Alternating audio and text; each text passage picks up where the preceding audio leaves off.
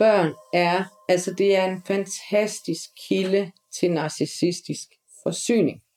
Og narcissistisk forsyning, det er jo, at narcissisten skal hele tiden bekræftes udefra i, at jeg er noget værd. Altså. Og det er et barn en fantastisk kilde.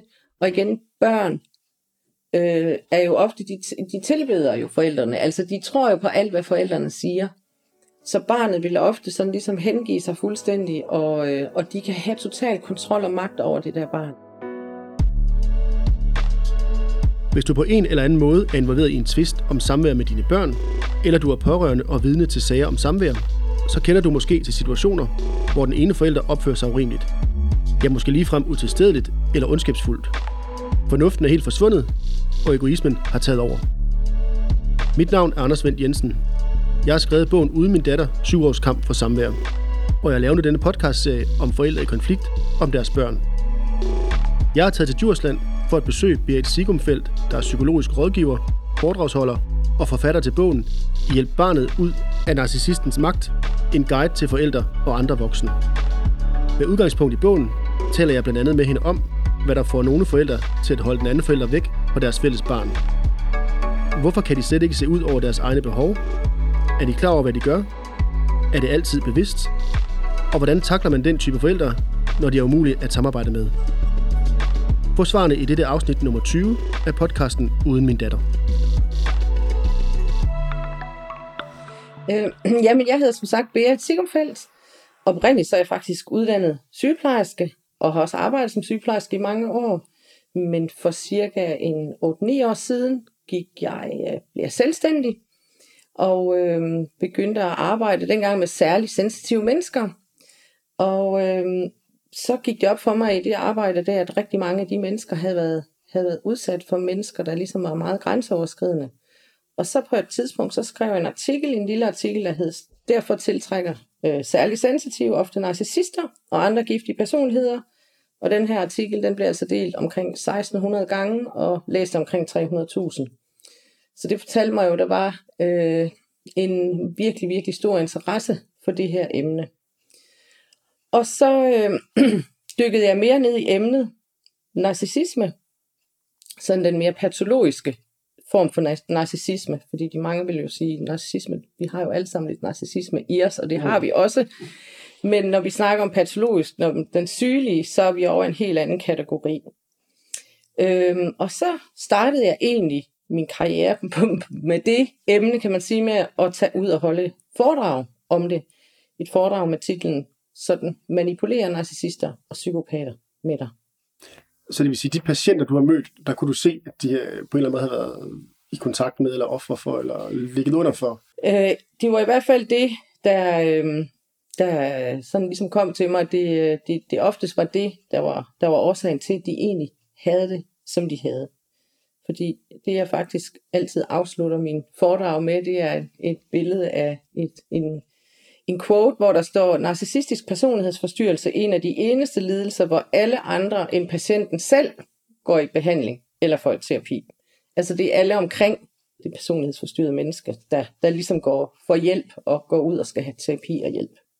Og du må måske lidt ind på det, men hvorfor har du så valgt at skrive en hel bog om, om narcissisme? Ja, hvorfor har jeg valgt at skrive en hel bog om narcissisme, og lige den her om børnene, men det har jeg, fordi jeg jo selv er et barn, der er vokset op med en narcissistisk forældre. Og øh, dengang anede jeg jo ikke, at det var det, øh, jeg var i. Jeg vidste bare, at øh, sådan tænker, når jeg tænker tilbage på min barndom, så handlede det, en, det egentlig bare ret meget om overlevelse. Gyde olie på vandene for at undgå min fars raseri. Han var også meget, meget voldelig. Og så samtidig så skulle jeg passe på min mor. Det er sådan den rolle, man tit tager, når man er barn i et forhold, hvor den ene forælder er øh, narcissist. Fordi narcissister har det med, at, eller har det, de er sådan, at det er deres behov, der skal dækkes først og fremmest. Så du lærer også, at dine egne behov, øh, de er ikke vigtige, så du, mange, der er vokset op i det her, de udvikler sådan en pleaser-personlighed også. Og, og det, du ved, det er sådan noget, vi taler lidt negativt om, eller det er sådan lidt nedladende. Åh, oh, det er også sådan en pleaser. Men det er jo ret smart faktisk at gøre det, når man er i sådan et hjem, fordi du undgår en masse konflikter øh, ved hele tiden at føje den her person. Var du alene med det? Er du, er du enebarn? Eller? Øh, jeg er øh, ikke enebarn. Jeg har en øh, bror, eller det vil sige, han er her ikke mere. Øh, fordi det har kostet både min mor og min bror livet at være i min fars tilværelse. Så de er begge to døde under meget tragiske øh, omstændigheder. Øh, Må jeg spørge, hvad der skete med din mor og bror? Eller? Ja, det må du i hvert tilfælde. Okay. Hvis jeg skal sådan gøre en lang historie kort, så var det jo, ja, det var et meget voldeligt ægteskab. Min, bror, min mor blev gravid med min storebror, da hun var kun 17, og det var min, ja, vi er hele søskende, min bror og jeg. Men øh, min øh, far kom og blev ansat på min morfars gård som landbrugsmedhjælper, og så forelskede han sig jo, eller han faldt for gårdens ældste datter, det var min mor. Og øh, så gjorde han hende gravid, og så smuttede han. Og ville ikke på nogen måde stå til ansvar for, at han var far til det barn. Så da min mor føder min bror, øh, der bor hun stadig hjemme. Hun er lige knap 18, og min mormor kommer sådan set mere eller mindre til at tage sig af min bror, fordi hun kunne faktisk have været hans, hans mor også, hun var jo ikke ældre. Mm. Og øh, pludselig så kommer min far tilbage, og, og min mormor har i mellemtiden også kørt en faderskabssag, så han er jo der blevet taget blodprøver, og, øh, fordi hun vil ikke finde sig i, at hendes datter bliver behandlet sådan. Og der er ingen tvivl om, at han er far til, øh, til min bror. Og så kommer han tilbage, da min bror er cirka nogle måneder gammel, og vil øh, gifte sig med min mor, og tigger og beder, og hun holder ellers igen længe, men til sidst så kan hun ikke rigtig stå for hans charme, og så siger hun ja. Og de flytter ind sammen øh, i min mormor og morfars hus, faktisk nede i enden, kommer de til at bo nede i en lejlighed, der er dernede. Og da de har været, der er boet der cirka en uge, der kommer min mor op i nat, og vækker min mormor og siger, med min bror på armen, han er jo stadig en lille baby der, og siger, jeg tør simpelthen ikke sove ned ved den mand, han er farlig. Og der havde min far haft fat i hende første gang. Mm. Øh, det udvikler sig, og det, det er det, der er meget kendetegnende ved sådan en relation der også, det er, at tingene bliver altid værre. Altså volden udvikler sig, den psykiske vold udvikler sig, manipulationerne udvikler sig. Øh, men min mor bliver, de rejser til Aarhus, og øh, hun begynder at læse jura på universitetet, og jeg kommer til verden cirka fire år efter min bror. Han bliver så faktisk hos min mor og vokser op der. Så, så, som sagt, vi er hele søske, men vi vokser op hver vores hjem. Så jeg vokser op i det her hjem øh, med min mor og far. Og øh, det, ja, det er bare uro, kaos, øh, drama, konflikter, øh, mere eller mindre konstant sådan afbrudt af nogle få perioder, hvor der var fred og ro. og jeg bliver igen den, der ligesom føler, at jeg skal redde det hele. Øh, så, og, og, og når man er barn er, i sådan noget her, så er det enormt pinligt. Det er enormt flovt. Man skammer sig virkelig. Hvad jo er helt forkert egentlig, for det burde jo være den forælder, der, der gør de her forfærdelige ting, der skammer sig. Så man, man holder det hemmeligt, og der var ikke en fra min klasse, altså skole, eller nogen som helst, der anede, hvad der foregik hjemme bag hjemmes fire vægge. Øh, den eneste, der vidste noget, det var min mormor, og det var hende, der var min redningsplanke, og min mors også, fordi øh, det var hende, og det var som regel mig, der tog til hende og ringede til hende, ofte midt om natten, for det, det var også tit, at det var midt om natten, at han gik helt amok og bankede min mor simpelthen. Og så tog vi ud til min mormor, og så ringede han typisk efter nogle dage, og så græd han og undskyld, og nu havde han gjort hele huset rent, om hun ikke godt ville komme hjem igen, og vi ikke godt ville komme hjem igen. Mm. Og nu skulle, han nok, nu skulle alting nok blive bedre. Og det mønster så jeg jo gentage sig om og om igen. Og det man også tit tror som barn, det er, at man tror, at tingene bliver bedre. Altså man håber jo hele tiden. Og det håber man faktisk også, når man er voksen, når man kommer i en relation med en narcissist. Man tror hele tiden på, at det bliver bedre lige pludselig en dag, så indser de nok. Lige pludselig en dag, så, så alt det der fornuft, man, man synes, man sidder og taler med dem om, det, det, det må jo synke ind et eller andet sted. Det gør det desværre bare ikke. Øhm, det der også er med narcissister, det er, at det er meget vigtigt for dem hele tiden at øhm, få ny forsyning, kalder man det. Så de skal hele tiden, de bliver, de lever gennem de ydre omgivelser. De skal hele tiden bekræftes udefra, før de kan føle sig noget værd. Så de har rigtig meget brug for os.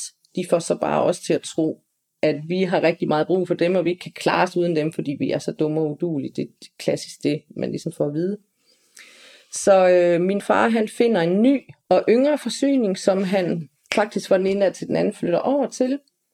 Samtidig kommer han stadigvæk hjem og styrer og tyranniserer vores hjem. Og min mor er kommet dertil på det tidspunkt, at nu skal de skilles. Mm. Og øh, hun sender en, øh, ansøger om en skilsmisse, sådan en skilsmissebegæring, og dengang der kom papirerne, skilsmissepapirerne, de kom øh, med posten. Dengang havde man jo ikke internet, da jeg var 14 år gammel på det her tidspunkt. Og øh, den dag skilsmissepapirerne kommer, øh, der brænder vores hus om natten, og min mor brænder inde. Okay. Og ved man hvorfor?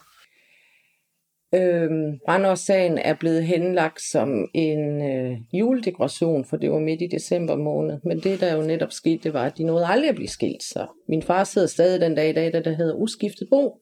Siger, han arvede alt, hvad der var arve, ulykkesforsikring, brandforsikring, øh, en pension, øh, han fik fra min mors øh, pensionskasse også. Øh, min storebror voksede som sagt op hos min mormor, og har en god barndom der, og er selvfølgelig ikke på samme måde udsat for de ting, som jeg er, men kommer jo hjem og på ferie hos os en gang imellem, og er også vidne til at se, hvordan min far gør, men, men det er jo ikke noget, vi talte om, og, og øh, man sidder tit som barn, jeg kan huske der, hvor vi, jeg kan huske en nat, hvor han var der, og vi begge to vågnede ved, at min mor skreg os, og vi sidder der på trappen, ikke, og kigger, kigger ned under gelænderet, ikke, for at se, hvad, hvad sker der. Men man, vi snakkede ikke om det. Og det er det, der er så mærkeligt i sådan nogle hjem, at man snakker ikke om tingene. Altså fordi det... Og dagen efter, så kunne han jo også bare stå op. Han kunne have sønderbanket min mor dagen efter, så kunne han stå op, som om ingenting var sket. Fløjtende, og nu skulle han på arbejde. Men øh, han klarer sig godt. Det er også det, når man er barn af en narcissist. Så får man en af følgende tre roller. Enten så bliver man det gyldne barn, eller så bliver man syndebukken, eller så bliver man det ignorerede barn. Og det vælger du altså selv som barn, hvilken af rollerne. Det vælger narcissisten. Du kan også godt skifte rolle, rolle undervejs.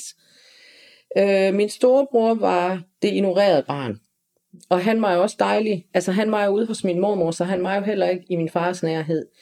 Min storebror var også det, man nok vil kalde et højintelligent barn. Han var virkelig, han var virkelig brainy. Han var, han var dygtig til øh, sprog, matematik, fysik. Øh, det var næsten lige meget, så kunne han det. Og det der også er med narcissister, de er død misundelige på deres børn. Også på deres børn. De er død misundelige på andre, der har noget, de ikke har. Inklusive deres egen børn. Så øh, hvis du for eksempel har nogle særlige evner som barn af en narcissist, så kan det kan gå to veje. Enten kan du blive yndlingsbarnet, fordi ellers kan du blive fremhævet og vist ud af til at se, mit dygtige barn, det er min fortjeneste, at han eller hun er sådan. Eller du kan blive puttet væk fordi så øh, skal øh, han jo ikke forholde sig til, at du kan noget, som ja, han er misundelig på. Mm. Øh, han bliver uddannet i bankverden, min bror, og dit liv går fint for ham. Øh, og han har sig en kæreste, og de køber faktisk et eller han køber et hus herude i en forstad til Randers, og så går den her kæreste fra ham. Og det er ligesom, da, da min mor dør, der er der meget fokus på mig, fordi jeg er vokset op i det, og jeg får noget hjælp og sådan noget, men, men ham, sådan set i bagspejl, så fik han nok egentlig ikke rigtig noget hjælp. Det er jo også hans mor, mm. selvom han ikke har boet hos hende, ikke også? Ja. Øhm, men øh, det udløste simpelthen nærmest en, øh, en krisetilstand hos ham, da hun gik fra ham. Han kunne slet ikke være alene. Min mor, moster og jeg, vi skiftes til at være hos ham, og han prøvede også i den periode at virkelig få etableret en kontakt med min far, eller vores far. Og det er igen det der med, selv når du bliver, altså han var 27 på det her tidspunkt, du bliver ved med at håbe og tro på, at, at du kan få den der sunde relation, tilknytning til den der narcissistiske forældre, ikke også? Og det får du bare aldrig. Øh, og en særlig aften ville han ned til vores far. På det her tidspunkt har jeg brugt kontakten til min far.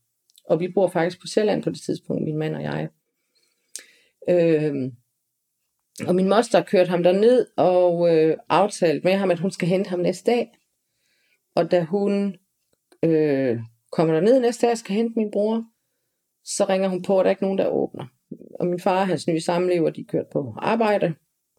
Og øh, hun får så fat i min fars samlever og får at vide, hvor der er en ekstra nøgle, låser sig ind og kommer til sidst ned i kælderen af min fars hus. Han var øh, meget ivrig jæger, havde han sit jagtværelse, og da hun åbner døren ind til min fars jagtværelse, så ligger min bror på gulvet der skudt med min fars jagtgevær.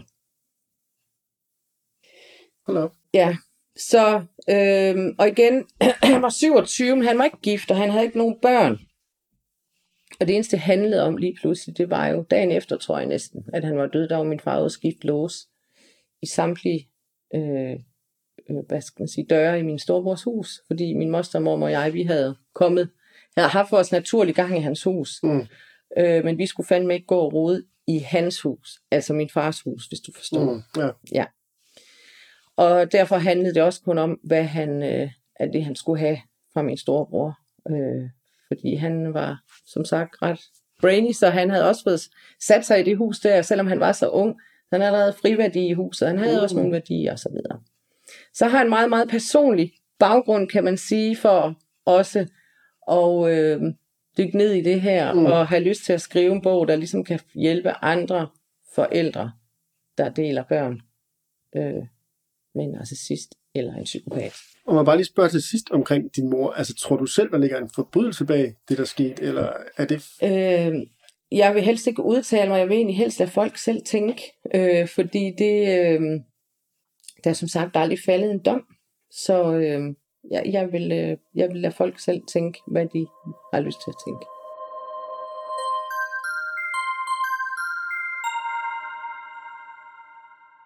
Så først mange år senere, og ikke engang i min sygeplejerske uddannelse, vil jeg sige, der, der lærte vi ret meget om det her med personlighedsforstyrrede mennesker. Da jeg kom ud i psykiatrien, det, det er man nemlig, når man er sygeplejerske, så kommer man ud i praktik.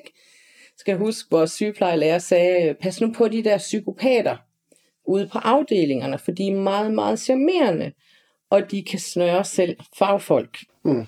Og det var sådan på det niveau, min viden lå. Og da jeg så en hel del år senere stødt på en artikel på nettet om den narcissistiske personlighedsforstyrrelse og begyndte at læse om det og sætte mig ind i det, så var der bare så mange brikker, der faldt på plads for mig. Og jeg begyndte at forstå, at det var faktisk ikke mig, der var noget galt med, fordi det var også den følelse, jeg havde gået med i rigtig mange år. Så man får tit nogle symptomer, som man igen, det her med, at det er altid dem ude omkring narcissisten, der får symptomerne. Narcissisten går bare videre og, hvad skal man sige, ødelægger de næste liv, altså går videre til, til nye øh, erobringer, nye øh, mennesker, og de kigger sig ikke tilbage, og øh, så du skal egentlig sådan samle dig selv lidt op. Så nu er det jo så blevet mere eller mindre min mission at hjælpe andre med at forstå, hvad det er, de har været i, og hvis de måske selv deler barn med en narcissist, fordi alle de redskaber, det jeg har skrevet om i bogen, al den hjælp havde min mor jo ikke, da hun øh, stod med, havde mig øh, og skulle, øh, skulle ligesom øh, agere i det her øh, ekstremt voldelige og meget, meget øh, besværlige forhold, som ægteskabet, altså det ægteskab, hun var i til min far. Mm. Jeg selv øh, valgt at bryde forbindelsen med ham. Øh, det gjorde jeg for 25 år siden er det vel efterhånden. Og dengang vidste jeg heller ikke, hvad det var, jeg havde været i. Men øh, mm. i dag kan jeg se, at det er det mest fornuftige, jeg overhovedet kunne gøre. Fordi de, øh, de, når de er i dit liv, så, øh, så ødelægger de, øh, og, og de manipulerer med dig, og det er meget, meget svært at hele og komme videre, hvis man bliver ved med at beholde den her narcissist i sit liv. Og med det, du har fortalt her, har det været svært så at skrive bogen? Det, jeg, synes, jeg synes faktisk, det er rigtig svært at skrive en bog, ja. Så jeg synes, det har været svært at skrive bogen.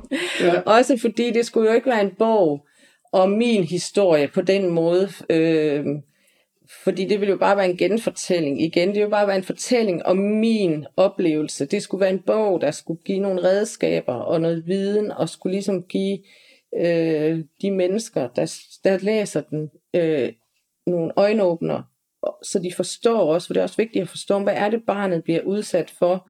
Hvorfor har du valgt at fokusere på det der med, med barnet i titlen? Øh, jamen øh, netop fordi jeg, der, jeg synes jo, vi har desværre, uden at være kastet med mudder eller være vred, men så synes jeg, at vi har lidt et system, der der mere favoriserer øh, forældrene, end de egentlig favoriserer barn. og barnets tag. Altså det er mere, begge forældre har ret, som regel i hvert fald, til Mm. at se deres barn. Øh, og ikke, hvad har barnet? Altså, hvad er i barnets tag? Og der er desværre for lidt viden omkring, at så mange af dem, der sidder i øh, og skal, skal tage de her afgørelser, de er ikke øh, bevidst om, at det kan være et personligt, altså en altså person med en narcissistisk personlighedsforstyrrelse, de sidder overfor, fordi de er så dygtige til at at manipulere og smøre og få, få den anden part udstillet, som om, at det er, at, at, at du er ude af balance, at du er psykisk syg, og du, kan, du vil aldrig kunne tage vare på et barn og så videre. Og de kan gøre det så overbevisende, så, øhm, så det bliver den forælder, der vinder, Mm. hvilket jeg jo synes er meget urimeligt. Øhm, så ja, i et håb om, og et ønske om at hjælpe børnene, og, give, og, og selvfølgelig også den voksne, ikke også? Fordi det er også rigtig, rigtig vigtigt, at barnet har et sted, øh, hvor barnet har sin faste klippe, hvis man kan sige det på den måde. Det der Mm. desværre ofte sker også, når man får, altså når man kommer i en relation med en, øh, altså bliver gift og får børn, det er, at narcissister har det med, at de stjæler simpelthen vores energi. Altså de stjæler vores tid, de stjæler vores opmærksomhed.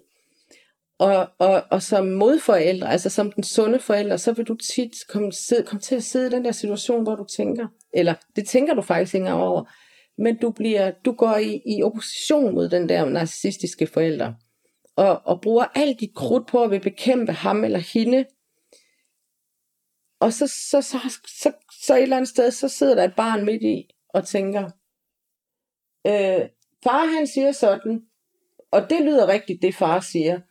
Og mor, hun sviner far til. Øh, hvem, hvem skal jeg stole på? Hvor, hvor har jeg mit? Men far, han lyder mest rigtigt. For det gør narcissister. De kan simpelthen, altså de formår jo simpelthen at vende børn. Så, øh, nå, så må jeg hellere lytte, hvad far siger. Det er ikke så firkantet, vel? Mm. Men, men det, du skal fokusere meget mere på som forælder, det er, hvordan kan du være den sunde rollemodel for dit barn? Og ikke gå ind i den der mudderkastningskamp med narcissisten. Fordi det er det, de gør. Altså, de sviner dig til, nedgør dig. Og det er jo en naturlig reaktion hos vi mennesker, at når vi bliver svinet til, så går vi i opposition, ikke? Så vil vi forsvare os, vi vil forklare os, og vi vil... Og så mister, altså vi mister fokus. Mm. Og det er også det, narcissisten er ude på. Derfor er der til at miste fokus. Så, så hvad er en helt kort, hvad, hvad, er en narcissist så? En, du Ja, har nu fortalt sidder flere vi og siger, hvad det. er narcissist og narcissist, og hvad er en narcissist. Øh, nu jeg vil skynde mig at sige, at jeg er jo ikke læge, øh, og jeg må ikke sætte diagnoser, men øh. Men er det en diagnose? det er faktisk en, øh, Ja. en diagnose. Den bliver ikke brugt ret meget herhjemme i Danmark. Den er ikke, altså jeg vil også, det er heller ikke hemmelighed, rigtig meget af det viden, jeg har hentet, det har jeg hentet i USA, Mm. England. Øhm, og der har man en diagnosemanual, man kalder DSM-5, som har ni kriterier, som man faktisk siger, der skal være til stede, før at man kan afgøre, eller ligesom sige, at en person lider af narcissistisk personlighedsforstyrrelse. Og noget af det vigtigste, altså det der ligesom er hjørnestenen i den narcissistiske personlighedsforstyrrelse, det er det der meget grandiose, sådan gudelige selvbillede, de har. Altså de ser sig selv som noget større end, mere end, klogere end, stærkere end, og så er de optaget af sådan nogle fantasier om uanede mængder af magt og rigdom og skønhed, og at de styrer. Øh, ja. Og så nummer to er manglen på empati. Og det, det er jo det, der er netop gør øh, mennesker med narcissistisk personlighedsforstyrrelse så farlige, hvis vi kan sige det på den måde. Det er manglen på empati. Fordi der findes også andre personlighedsforstyrrelser, som kan være øh, udfordrende at være sammen med, men, men de har empati, og det har en narcissist ikke, og det er derfor, de kan gå så langt. De formår simpelthen ikke at mærke over i dig, hvad gør dig ked af. De får faktisk energi, hvis de får, gør dig ked af det, ikke også? Men kan man så være lidt eller meget narcissist? Fordi man kan godt sige, man kunne godt i det her forældre i konflikt, øh, øh, hvad hedder det, billede, vi er i, der kan du godt have empati for barnet, og så øh, holde den anden forælder væk. Man kan godt udvise det til en side, men, men slet ikke til den anden. Så har vi ikke med en narcissistisk personlighedsforstyrrelse at gøre. Nej, godt, så er det stedet. Punktum. Men, men, Fordi de kan godt lade som om, de har empati. mm, Og det har de aflært. Altså narcissister, de aflærer sig ting. De, de er egentlig bare en stor skuespiller. Altså der er ikke nogen dybde. Der er egentlig ikke rigtig nogen ind, hjemme inde bagved, hvis vi kan sige det på den måde. Det er bare tomt. Men de, de kopierer øh, det, de er i. Så. Så man kan ikke sige, at man kan være lidt eller meget, men det er enten eller. Øh, jo, der er faktisk, man, det er det, man kalder en spektrumforstyrrelse. Ja. Og nu bruger jeg sådan nogle fine udtryk, men spektrum, det betyder egentlig, at der er sådan flere grader ja. af den. Mm. Så nede den lave ende, hvis vi kan sige det sådan, der har vi det, vi kalder den, den klassiske narcissist. Så har vi lidt højere op, eller noget højere op, der har vi det, vi kalder den maline narcissist. Og det maline, det betyder ond, ondskabsfuld eller ondartet. Og så helt op i toppen af spektret, der har vi psykopaten. Okay. Så de kan være mere eller mindre farlige også, og, og, og ja, være, kan man sige. Og hvor, hvor mange er så narcissister? Ja, det er jo også det, der altså, er rigtig svært øh, at afgøre, fordi øh, mange af dem, de går jo under radaren, de går jo rundt herude i samfundet. De fleste af os, vi støder, vi stødt på dem på den ene eller på den anden måde, men de er ikke diagnostiseret. Så de, øh, det, det man der er især øh, to forskere, amerikanske forskere, øh, Campbell og Dwench, som har lavet en undersøgelse på et universitet, hvor de har lavet en anonym spørgeskemaundersøgelse. Og øh, ud fra den, der, der konkluderer de, at cirka mellem 8 og 10 procent af befolkningen, eller generelt, ja, i hele verden faktisk, fordi det har ikke, har ingen grænser, det har ikke, det er ikke sådan, at vi kun har det her i Vesten, altså det, og det, det er heller ingen alder, altså, og, og heller ikke køn. Altså det kan både være mænd og kvinder. Så cirka hver tiende, du møder, sådan i meget rundtal. Er det noget, man kan blive, eller noget, man sådan set er? Det er noget, man ikke, det er noget, man bliver. Du er bliver. ikke født narcissist.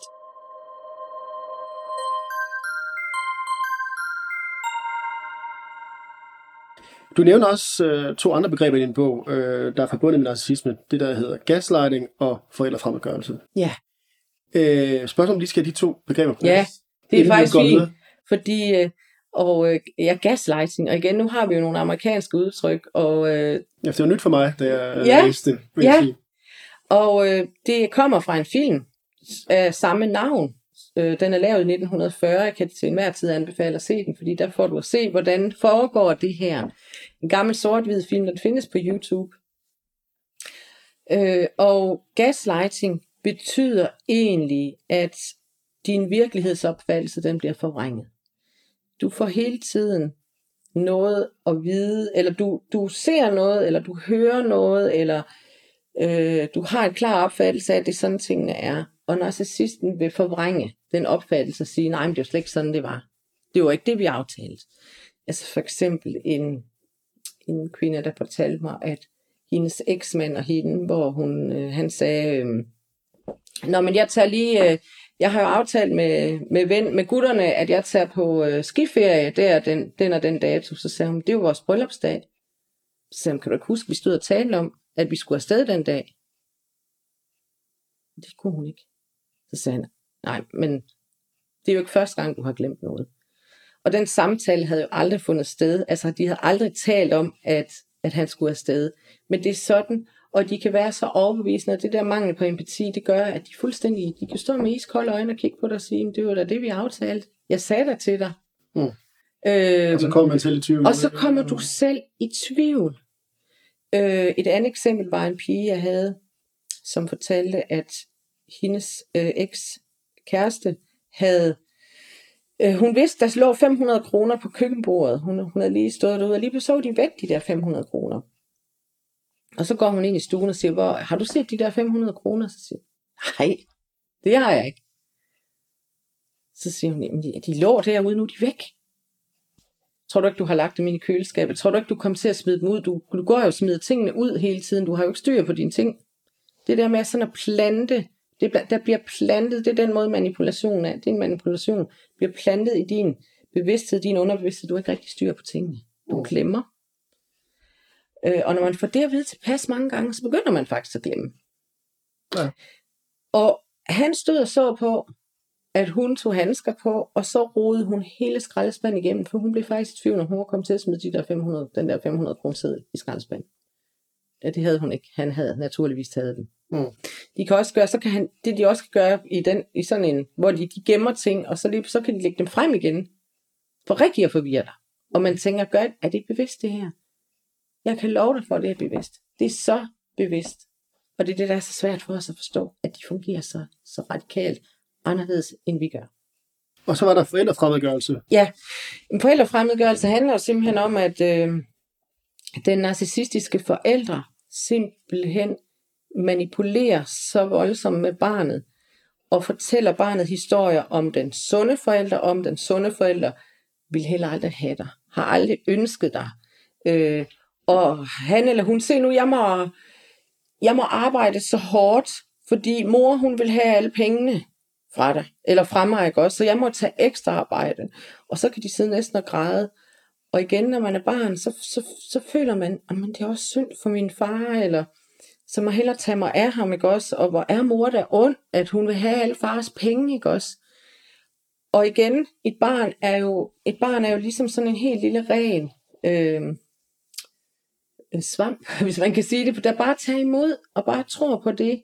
Altså vi er jo underlagt de voksne, der er omkring os, ikke også? Og vi, vi er så afhængige af, af vores primære omsorgsgiver, så vi, vi tror jo på, at de vil os det bedste, og det de siger, det er rigtigt, ikke også? Og, og, og så, så kan den narcissistiske forælder ligesom få dig til at tro også, at jamen, øh, altså hvis, hvis du kommer over til mig og bo, og vi to, og mor kommer ud af billedet, altså så kan jeg love dig, så får du både det og det. Altså så lover de dig ting, og lover hvordan tingene skal blive, og hvor fantastisk det skal blive.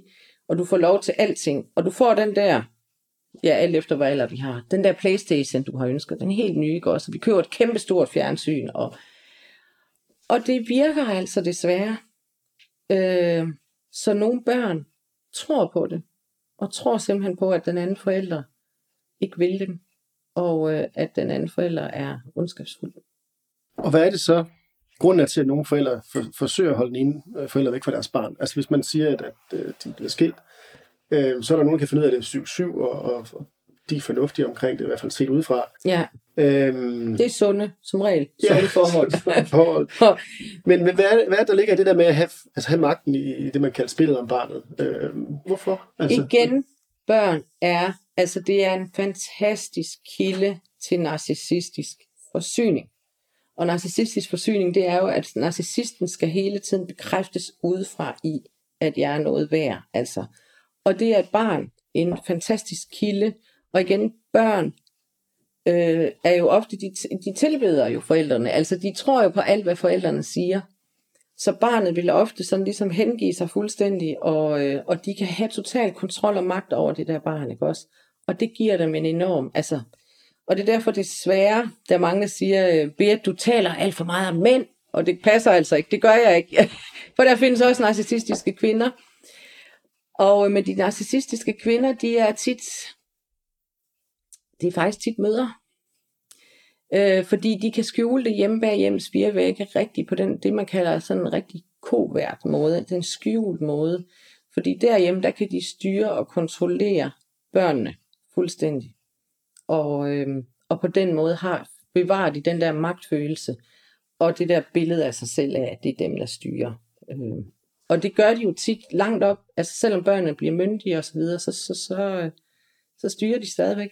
Så det er noget med, at de bliver den primære person i barnets liv? Ja, Øh, øh, og, og alt igen, hvis de finder ud af noget er sårbart for dig. En narcissist finder ud af, det der, det bliver du ked af. Det der, det er det mest sårbare. Øh, det, er det, det er det værste, du, det, der kan blive gjort mod dig. Så går de benhårdt efter det. så det vil sige, at de kan både få næring af, af at man kan kalde det en tilbedelse fra barnet, men også, at den anden forælder er såret. Ja. Og det giver sådan en dobbelt... Øh, Ja, fordi din energi er jo på dem hele tiden. Eller din opmærksomhed og din, hvad skal man sige, Mm. det du kører en kamp for eksempel mod dem, og man tænker, fordi det i virkeligheden, så mange siger, det handler for dem om at vinde, det er også rigtigt, men det det primært handler om, det er at få opmærksomhed, fordi det er den, de lever af. De skal bekræftes, så hvis du bliver ved med at kæmpe mod en narcissistisk forælder, så fortæller du ubevidst vedkommende, jeg kan stadigvæk, jeg har masser af magt, jeg kan styre dig. Og det kan de leve af i mange år Mm. og lang tid. Og der kan man sige, hvis man ikke gav dem lidt opmærksomhed, så kunne det være, at de stoppede, men, men Ja. det kan man jo så ikke, når der er et barn involveret, fordi man øh, også er Øh, forældre. Det er i hvert fald en, en strategi, og det er jo sådan noget, jeg også underviser øh, folk i, hvordan går du ind og ligesom strategisk går du ind og begynder at afvikle den der opmærksomhed over for den narcissistiske forælder, så du faktisk, altså så du kan ligesom få det, du gerne vil have, kan man sige, ikke også? Så i det tilfælde, hvor man holder barnet væk fra den anden forælder, gør man det så for barnets skyld, eller er det for sin egen skyld? Man gør det 100% for sin egen skyld. Fordi barnet er egentlig bare, barnet er en forlængelse af dig som, altså af narcissisten. Barnet er et objekt. Barnet er en, en ja, igen en forlængelse, som, øh, som er kilde til noget forsyning, og kilde til, at jeg kan opnå noget, jeg kan få noget opmærksomhed, ikke også? Øh, udefra. Fordi så kan jeg hele tiden opretholde det her billede af, hvor fantastisk jeg er, og at jeg styrer det hele, og jeg har magten og kontrollen. Okay. Så det er det, der er vigtigt for dem. Det er ikke, ja, det er ikke det der med at vinde. Øh, det er for have. Og, og, og er de klar over, at de gør det? Er det bevidst? De er eller, meget eller er det bare, bevidst. er, bare, er det noget, de har, og så gør de det ubevidst? Ja, men de, sådan er de, de bare. de er sådan, kan man sige. Det er jo ikke sådan... Øh, altså, de, de planlægger også nogle gange. Altså, de planlægger, men tit så er de, de er sådan programmeret. Altså, så, så man kan egentlig sige, for en narcissist, så handler det jo hele tiden om overlevelse. Øh, de, altså, og i virkeligheden er de aldrig rigtig glade selv heller. Det er det, der er så mærkeligt. Men, men øh, og de har, øh, de har ingen selvværd, det er egentlig det, de løber efter et eller andet sted og prøver at foregå os. Men de, de har masser af selvtillid, og det er det, der, det, er det, der snører os, fordi de virker rigtig stærke udadtil. Altså, narcissister kan puste sig vældig op, og de kan true, og de kan virke vældig, men i virkeligheden er de nogle små bangebukser. Altså, de, det er i virkeligheden dem, der er den, der er den rigtig usikre. Men de, de har fundet ud af, at det virker det her med at puste sig op og true og øh, lukke af for, øh, ignorere dig, eller, eller så videre, så videre, hvad de nu finder på, ikke også?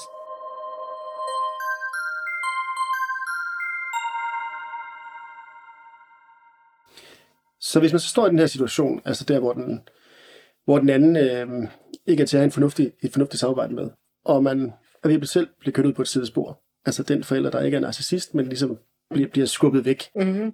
hvor det hele bare er en kamp. Hvad, hvad gør man så i forhold til den forælder? Øhm, ja, jeg vil sige, det er jo igen tit, det er jo så nok ligesom et, et system højere op, der har truffet den beslutning, eller som har været med til at træffe den beslutning, og den er jo, det er jo nogle gange der, hvor det kan være lidt svært at gå ind og få ændret sådan en beslutning, hvis den første er truffet, men det er, jo, det er på ingen måde umuligt. Men jeg vil, jeg vil som regel, hvis man er kommet helt derud, hvor man har mistet, øh, hvor man er blevet skubbet helt væk, og måske har mistet forældremyndigheden helt, altså vil jeg altså anbefale, at man får noget hjælp udefra, for eksempel i form af en advokat, og også måske i form af en, øh, nu siger jeg ikke mig selv, fordi jeg har faktisk, øh, det er jo on off, hvordan jeg lukker op for at, at give rådgivning omkring det her og hjælp, men en, der har forstand på det her, som ved, at hvordan de strategier, du ligesom skal bruge over for vedkommende, så du ved, hvordan du skal gå til den her, altså, så du, så du faktisk, fordi det er ikke umuligt, så du får det, du, altså, den kontakt med barnet, som du gerne vil have. Mm. Men det kan også være, at man har det, der hedder øh, 12-2, og man gerne vil have nogle flere dage, eller Ja. ja. et eller andet. Ja, Så, så er det jo en enorm balancegang mellem at tage kampen, du hele tiden skal tage, Ja. og det er jo mange år i træk, den, Ja. kan, den kan gå indtil barnet bliver ældre, ja, hvor du måske også kan se, det skader barnet på en eller anden måde, eller barnet er i klemme, Ja. og man har sin egen behov, for man vil også gerne se sit barn. Ja. Altså det, det er jo, hvornår skal man øh, give op, og hvornår skal man være tro mod sig selv, og, og det man jo synes er barnets bedste, netop at se begge forældre. Ja. Det er en af de hårdeste kampe, hvis jeg kan sige det sådan, du nogensinde kommer ud for i dit liv, og det er virkelig en, altså, det er jo det mest modbydelige, man overhovedet kan blive udsat for, det er jo at blive, blive frarøvet sit barn, altså retten til, eller retten, eller hvad skal vi sige, at, at kunne se sit barn og have kontakt med sit barn. Øhm, det skal selvfølgelig være en afvejning, som du siger, om skal jeg, hvis jeg har en 12-2-ordning, og jeg vil have en 5-7, skal jeg så, øh, skal jeg så kæmpe for det?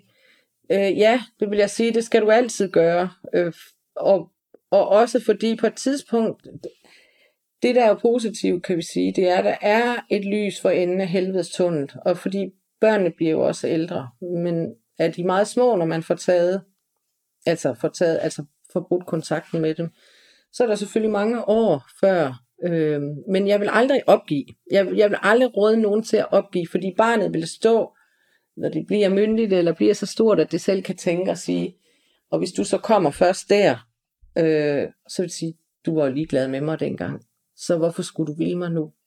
Og i mellemtiden er de blevet så manipuleret med. Og det kan godt være, at du ikke vinder sagen i første omgang, men dit barn vil vide, at du har kæmpet for det. Og det, det, det, det, det lyder skørt, men det er det, børn gerne vil mærke, at fordi det, det børn, det vigtigste for et barn, det er at blive set og blive hørt og føle, at det er noget værd. Så ja. Og i den der balance er der jo så også hensyn til sig selv. Og, og du var også inde på din bog der med, hvordan får man sådan en ekspartner ud af hovedet, hvis nu man har fået en eller anden form for fornuftig samværsordning, men der hele, du hele tiden bliver prikket til, fordi så er det noget galt med tøjet, eller skoletask, eller hvad det måtte være. Der kan jo altid være et eller andet, man kan være uenig om. Hvordan kommer man så videre, øh, når man hele tiden bliver mindet om vedkommende, fordi man jo er forældre til det, til det her barn, ikke? Man hænger sammen resten af livet. Ja, øhm. det gør man, og det gør man ikke alligevel. Og øhm, fordi igen, så sker der noget, når børnene får den alder, hvor de også begynder at blive teenager, de selv kan bestemme, og så bliver de myndige på et tidspunkt. Så på det tidspunkt altså der vil jeg jo sige, der er det muligt at fuldstændig bryde kontakten til den anden.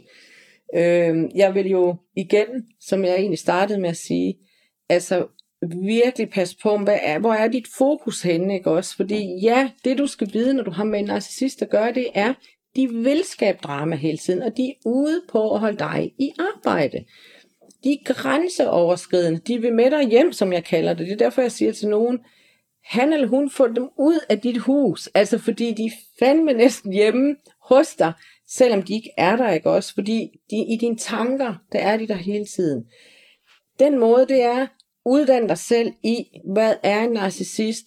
Hvordan er, hvad er det, de gør? Så du begynder at forstå, de kan ikke andet. De kan simpelthen andet. Men du kan gøre noget. Du kan begynde at agere anderledes over for dem. Så stop med at give dem, ja, så er der noget galt med tøjet. Øh, så kan de skrive, øh, jeg havde en, øh, en forælder, der fortalte, at hendes, øh, da de var blevet skilt så eksmanden, han har aldrig interesseret sig for børnene. Men lige pludselig så var han vældig interesseret, især i datteren, og hun var ved at skrive en, en opgave, øh, et projekt, og det gik han ind i med, altså lever siger lige pludselig så var han vildt interesseret i, i den her. Og så skrev han til moren, jeg vil gerne have, at den her bog, hun skriver, altså datteren, hun skriver den her, øh, det her projekt ud fra, den er jo ikke hos mig en kopi, så når, når du overleverer hende, så skal der være, en, så, så vil jeg gerne have, at den bog, den følger med over. Og kan du se, hvordan de tager? Altså han sørger for at holde dig i arbejde. Mm. Og øh, øh, her kan man vælge at fuldstændig altså, ignorere beskeden. Det er en af måderne, og egentlig slet ikke svare på den. Øh, for du skal ikke begynde om alt det der med, at du kan selv købe en eksemplar. Du må selv gå ud og købe et eksemplar. Det er det, man typisk gør, ikke også? Og det er lige der, man falder i fælden, fordi så ved han eller hun, Nå, det er sådan, Nå, så holder jeg dem i arbejde stadigvæk. Eller så laver du den modsatte, er lidt provokerende, tager du en kæmpe IKEA-pose, og så fylder du alt det ned, barnet har lavet i løbet af ugen, du har haft det, og så overleverer du det til ham. Det er den provokerende måde. Okay. Men det er ved at vise, at det er dig, der tager styringen. Det er ikke dem, der skal have styringen længere. Og hvor lang tid tager sådan en frigørelse? Det er jo selvfølgelig et svært spørgsmål, for det er jo ja, meget individuelt. Det er det. Øh, jeg plejer jo at sige, og jeg er egentlig ikke så begejstret for at sige, sæt tidsrammer på, men øh, nogle gange så er det også godt nok for en at vide, at altså fra man for eksempel bliver skilt fra en narcissist, øh, så vil jeg sige, der går som regel et par år. Og, og de år, og det er under forudsætning af, at du virkelig begynder at arbejde med dig selv.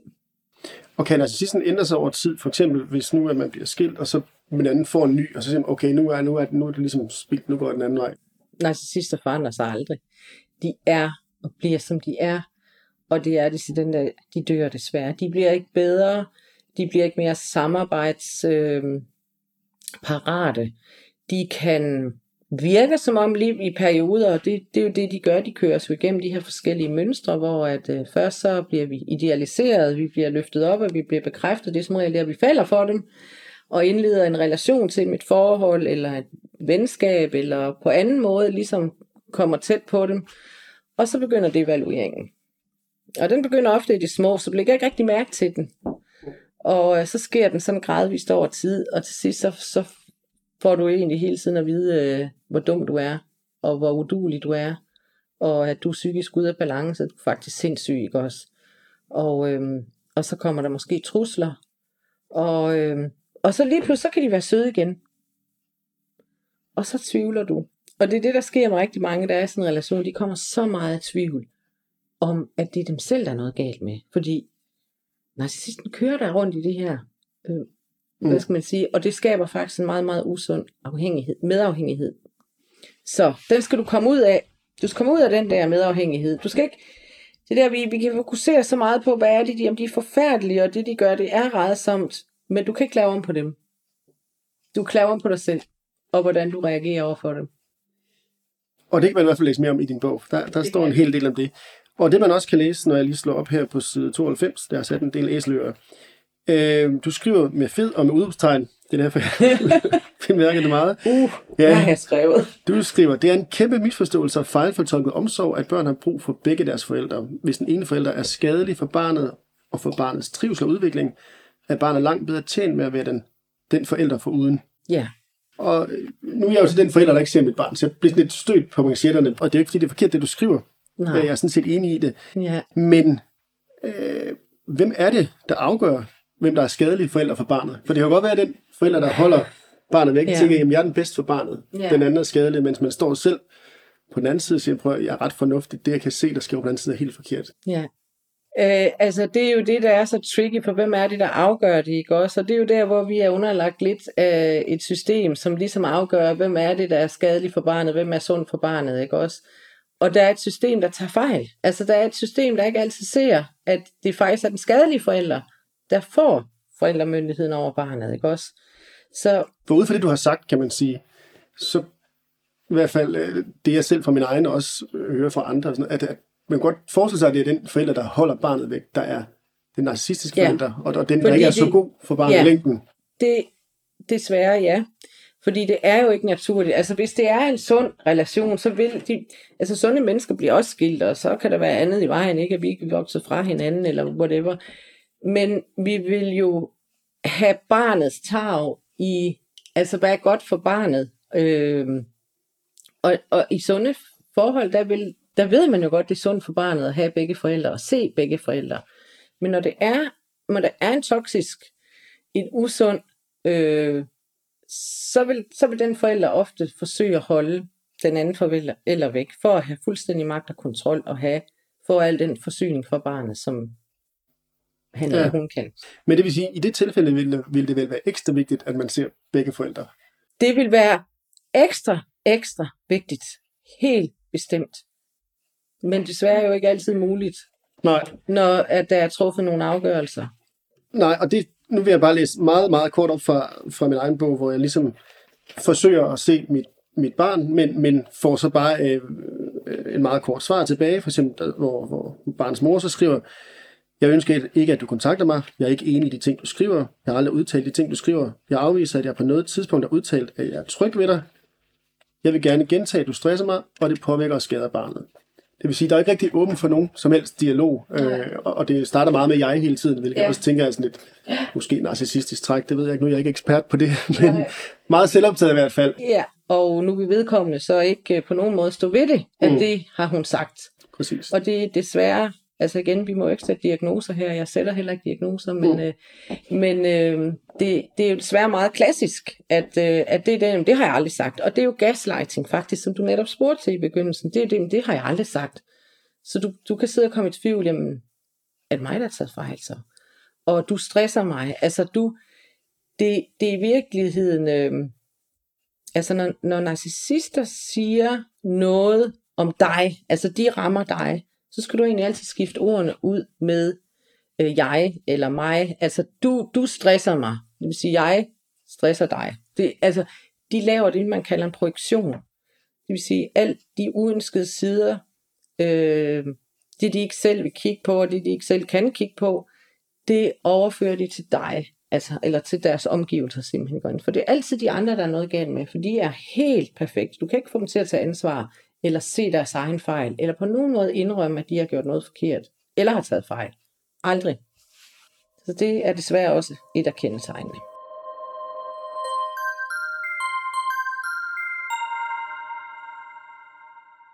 Hvis I så jævnfører overskriften på din bog, lige til sidst her taler om, hvordan er det så, at man beskytter børn i det her, når forældrene ikke, ikke kan enes? Ja. De står midt i det her, og, og er klemte ofte, øh, og forstår ikke, hvad det er, der foregår, og prøver bare egentlig at navigere i det. Så det bedste, du kan gøre for dit barn, det er, at du bevarer, hvad skal man sige, øh, dit sunde selv, og ikke lærer den her skadelige forælder få for meget opmærksomhed, men at du øh, bliver den rollemodel for dit barn, og, og kan være den trygge klip, den trygge havn, som dit barn kan komme, kan komme til at være hos. Fordi det er i bund og grund det, barnet har brug for. Det er, det er meget basalt det her. Der er ikke sådan raketvidenskab. Hvad er det, øh, børnene har brug for? Øh, så, så igen, du hjælper bedst dit barn ved heller ikke at gå ind i alle mulige konflikter med den her besværlige forældre, fordi barnet bliver involveret. Det kan du være helt sikker på, at en, hvis det er en narcissistisk forælder, så vil den narcissistiske forælder involvere barnet og fortælle om alt det, du gør, alt det, du siger. Det er også det, man kalder følelsesmæssig incest. Altså, de bruger simpelthen børnene til at, øh, som deres øh, medsvorene og som deres øh, fortrolige også, og deler ting med dem, som barnet slet ikke modenhedsmæssigt og følelsesmæssigt er klar til. Men barnet får en følelse af, at, at jeg er noget særligt, tiden mor deler det med mig, eller far deler det med mig. Og øh, det er først senere i livet, at de finder ud af, hvor sygt det var. Så det er det bedste, du kan gøre, det er jo egentlig at bevare dit sunde selv. Øh, og når du har barnet, hvis du har barnet, mm. at, at det er så normalt som muligt. Øh, og det er også det, når jeg tænker tilbage, hvad, hvad min mormor, hun, hun formåede virkelig og det gjorde min mor egentlig også. Jeg hørte dem egentlig aldrig nogensinde tale grimt om min far. Mm. Selvom jeg er slet ikke i tvivl om, hvad min mor mente. Vel, ja, men hun, havde grund til det, kan man sige. Ja. ja. Øh, men hun formåede simpelthen at holde det så fint, og det har jeg kæmpe respekt. Altså, jeg har vild respekt for, at hun gjorde det, ikke også? Fordi hun vidste godt, at når jeg var derude, jeg var også meget derude på ferie, og som sagt tog min, var det altid der, min mor og jeg tog ud, når det var helt kaos derhjemme. Og hun vidste godt, at jeg havde ikke brug for mere. Altså, jeg, der er bare rigelig drama derhjemme. Så det, jeg havde brug for, når jeg kom derud og var hos hende, det var fred og ro. Og helt almindelige dagligdags ting, som vi skal lave mad, eller nu boede hun ude på en... Ja, min morfar døde, da jeg var seks, og hun blev boende på den der gård, der var repsbusker, og der var bærbuske, og der var en kæmpe have. Og, og det var sådan de ting, vi brugte tiden på. Og det har helt sikkert været min redning Altså, at øh, jeg har haft et sted, jeg kunne komme, som hvor der var fred og ro. Og øh, der bare var den rummelighed og omsorg. Der blev heller aldrig spurgt, hvad jeg ville vælge, eller øh, ville, ville jeg vælge mor eller far? Vælge? Altså, fordi det kan et barn, det, det er et kæmpe spørgsmål at stille et barn, for barn vil ikke vælge. Barnet vil have begge. Altså, det, det, det, det, det er det, drømmer om. Ikke også? Så det må du aldrig spørge et barn om. Og det gør narcissistiske forældre også. Det er lidt det som den der, og de skubber far væk, eller mor væk, ikke fordi du vil helst have mig, ikke fordi, ja. Mm. Så hvordan skal man gå ind, skal man gå ind og hjælpe børnene så til, at de kan gennemskue, hvad der sker, eller for de vil jo også blive ældre og spørge undervejs, ja. hvorfor gør den ene det, hvorfor gør den anden det, ikke? Ja. Altså, hvor, hvordan skal man så gøre det som den, hvad kan man sige, den sunde forælder? Ja, altså, jeg vil aldrig anbefale, at du går helt igen hen og siger til dit barn, din far eller din mor er narcissist, øh, ikke bruge det ord, men øh, som jeg også egentlig giver eksempler på i bogen, så, så kan det være historier. Altså du skal lære barnet selv at reflektere over livet, ikke også? Altså, øh, det kan være, for du ved også godt, hvis vi selv har problemer, så er det altid, øh, det er, altid, eller det er altid nemmere at løse de andres problemer end vores egne, ikke? Altså vi har altid løsninger på, hvordan skal alle de andre gøre, men så når vi står selv, så, så derfor øh, måske finde på en historie, det kan godt være en opdigtet historie, og det er ikke at lyve for barnet, men det kan være et eller andet med, jeg har, altså alt efter alder selvfølgelig ikke også, men jeg har en, en kollega på jobbet, og hendes, øh, hun er lige blevet skilt, og, øh, og, og, og faren der til børnene, der er to børn, min, altså min kollega har to børn, og faren han, han øh, sviner hende til, og han prøver at vinde børnene over, og han køber alt muligt nyt til dem, og, og sådan, du sidder, hvis det er et teenagebarn, du sidder og får sige, hvad tænker du om det? Så lad barnet selv svare. Fordi det er også, det kan vi rigtig godt lide. Det er også en måde at bygge sit barn op på. Det er ligesom ved ikke hele tiden at fortælle barnet, hvad skal du mene, og hvad skal du tænke. For det det, vi gerne vil gerne proppe ind i hovedet. Du skal se, at den der forælder er syg i hovedet. Et barn, der, hvor du ligesom viser barnet, det er sådan her, du, hvad, hvad tænker du selv? Og bare, børn er ufattelig kloge. De ved rigtig mange ting, for de er så rene, så de kan godt se, hvad der foregår, og nogle gange skal de lige hjælpes øh, til at tænke og reflektere over tingene og selv komme med løsningerne. Og så kan de begynde at implementeres og ligesom måske relatere det til nogle ting, der sker i deres eget liv. Mm. Ja. Men det er en balancegang, og det er svært. Som sagt, jeg var selv øh, 22, da jeg brød kontakten med min far. Og dengang vidste jeg jo ikke engang, hvad det var her. Jeg vidste bare, at der var konflikter og drama hele tiden, og det påvirkede mig på alle mulige måder. Men jeg kunne ikke sætte ord på, Øh, jeg troede, det var mig, der var noget galt med. Og hvordan tog han det egentlig? Øh, jeg vil sige, det var et øh, meget øh, brutalt øh, brud, fordi det var faktisk øh, min fars naboer, der ringede til os, og øh, på det tidspunkt havde min far så fået sig en ny samlever, og, øh, og han har fået en, en datter med hende, og øh, de ringede over fra naboen og sagde over for deres vindue, kunne de se over min fars hus, at han var i gang med at banke øh, hans nye samlever det. Og det er jo også det der klassiske, at narcissister forandrer sig ikke, mm. selvom de flytter, altså eller øh, skifter forhold, eller kommer i nye relationer, de er og bliver som de er. Og så kører vi faktisk derover øh, min mand, det, dengang var jeg ikke gift med ham, men, og jeg, og min storebror levede også stadig på det tidspunkt. Vi kører, og hans kæreste, vi kørte over alle sammen. Og øh, da min mand øh, stiller sig op over for min far, og ja, ude, vi, ja der er vældig kæreste, vi kommer derover, min halvsøster der, hun ligger op på loftet og græder, hun er nok halvand, et, et halvt et år gammel og ligger og græder.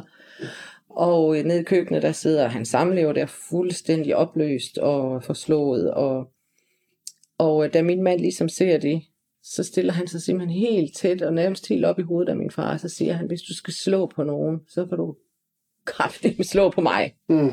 Og virkelig bliver ved med at holde hans blik, mm. og ligesom viser, at jeg er ikke bange for dig. Og, øh, og vi blev der, og jeg prøvede faktisk at få hende med, altså han samlever der, og, og min halvsøster der, få det med på krisecenter, men det, men det lykkedes for ham at, og får dem overtalt til at blive, og så kører vi faktisk derfra, og så har jeg ikke haft kontakt med ham siden. Så jeg tror, øh, han, øh, han er godt klar over, at der ikke der er ikke rigtig noget at hente her. Så det gik, det gik egentlig fredeligt, kan man sige. Altså han har ikke... Ja, så var min storebrors begravelse så nogle år efter, der prøvede han så, men der Ja, for der var også noget med arv, arven der. Jeg skulle faktisk arve noget af min bror også, så jeg satte bare en advokat på, og så lød jeg ham ordne det, for jeg skulle ikke have involveres med ham igen. Det var både overvældende at høre Berit Sigumfelds historie, og der faldt også nogle ting på plads for mig selv i forhold til min egen historie. Du kan læse mere om Berit og hendes foredrag, kurser og sessions på hjemmesiden beritsigumfeldt.dk. Hvis du har kommentarer eller forslag til andre gæster i min podcastserie, er du velkommen til at kontakte mig via Facebook-siden Ude Min Datter. Her må du også meget gerne dele, like, kommentere osv., så mine gæsters historie bliver hørt af endnu flere. Via hjemmesiden udemindatter.dk kan du finde beskrivelser og links til alle afsnit.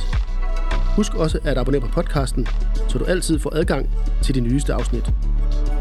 Musik og lyd er lavet af Oscar Vendt Mosgaard. Tak fordi du lyttede med.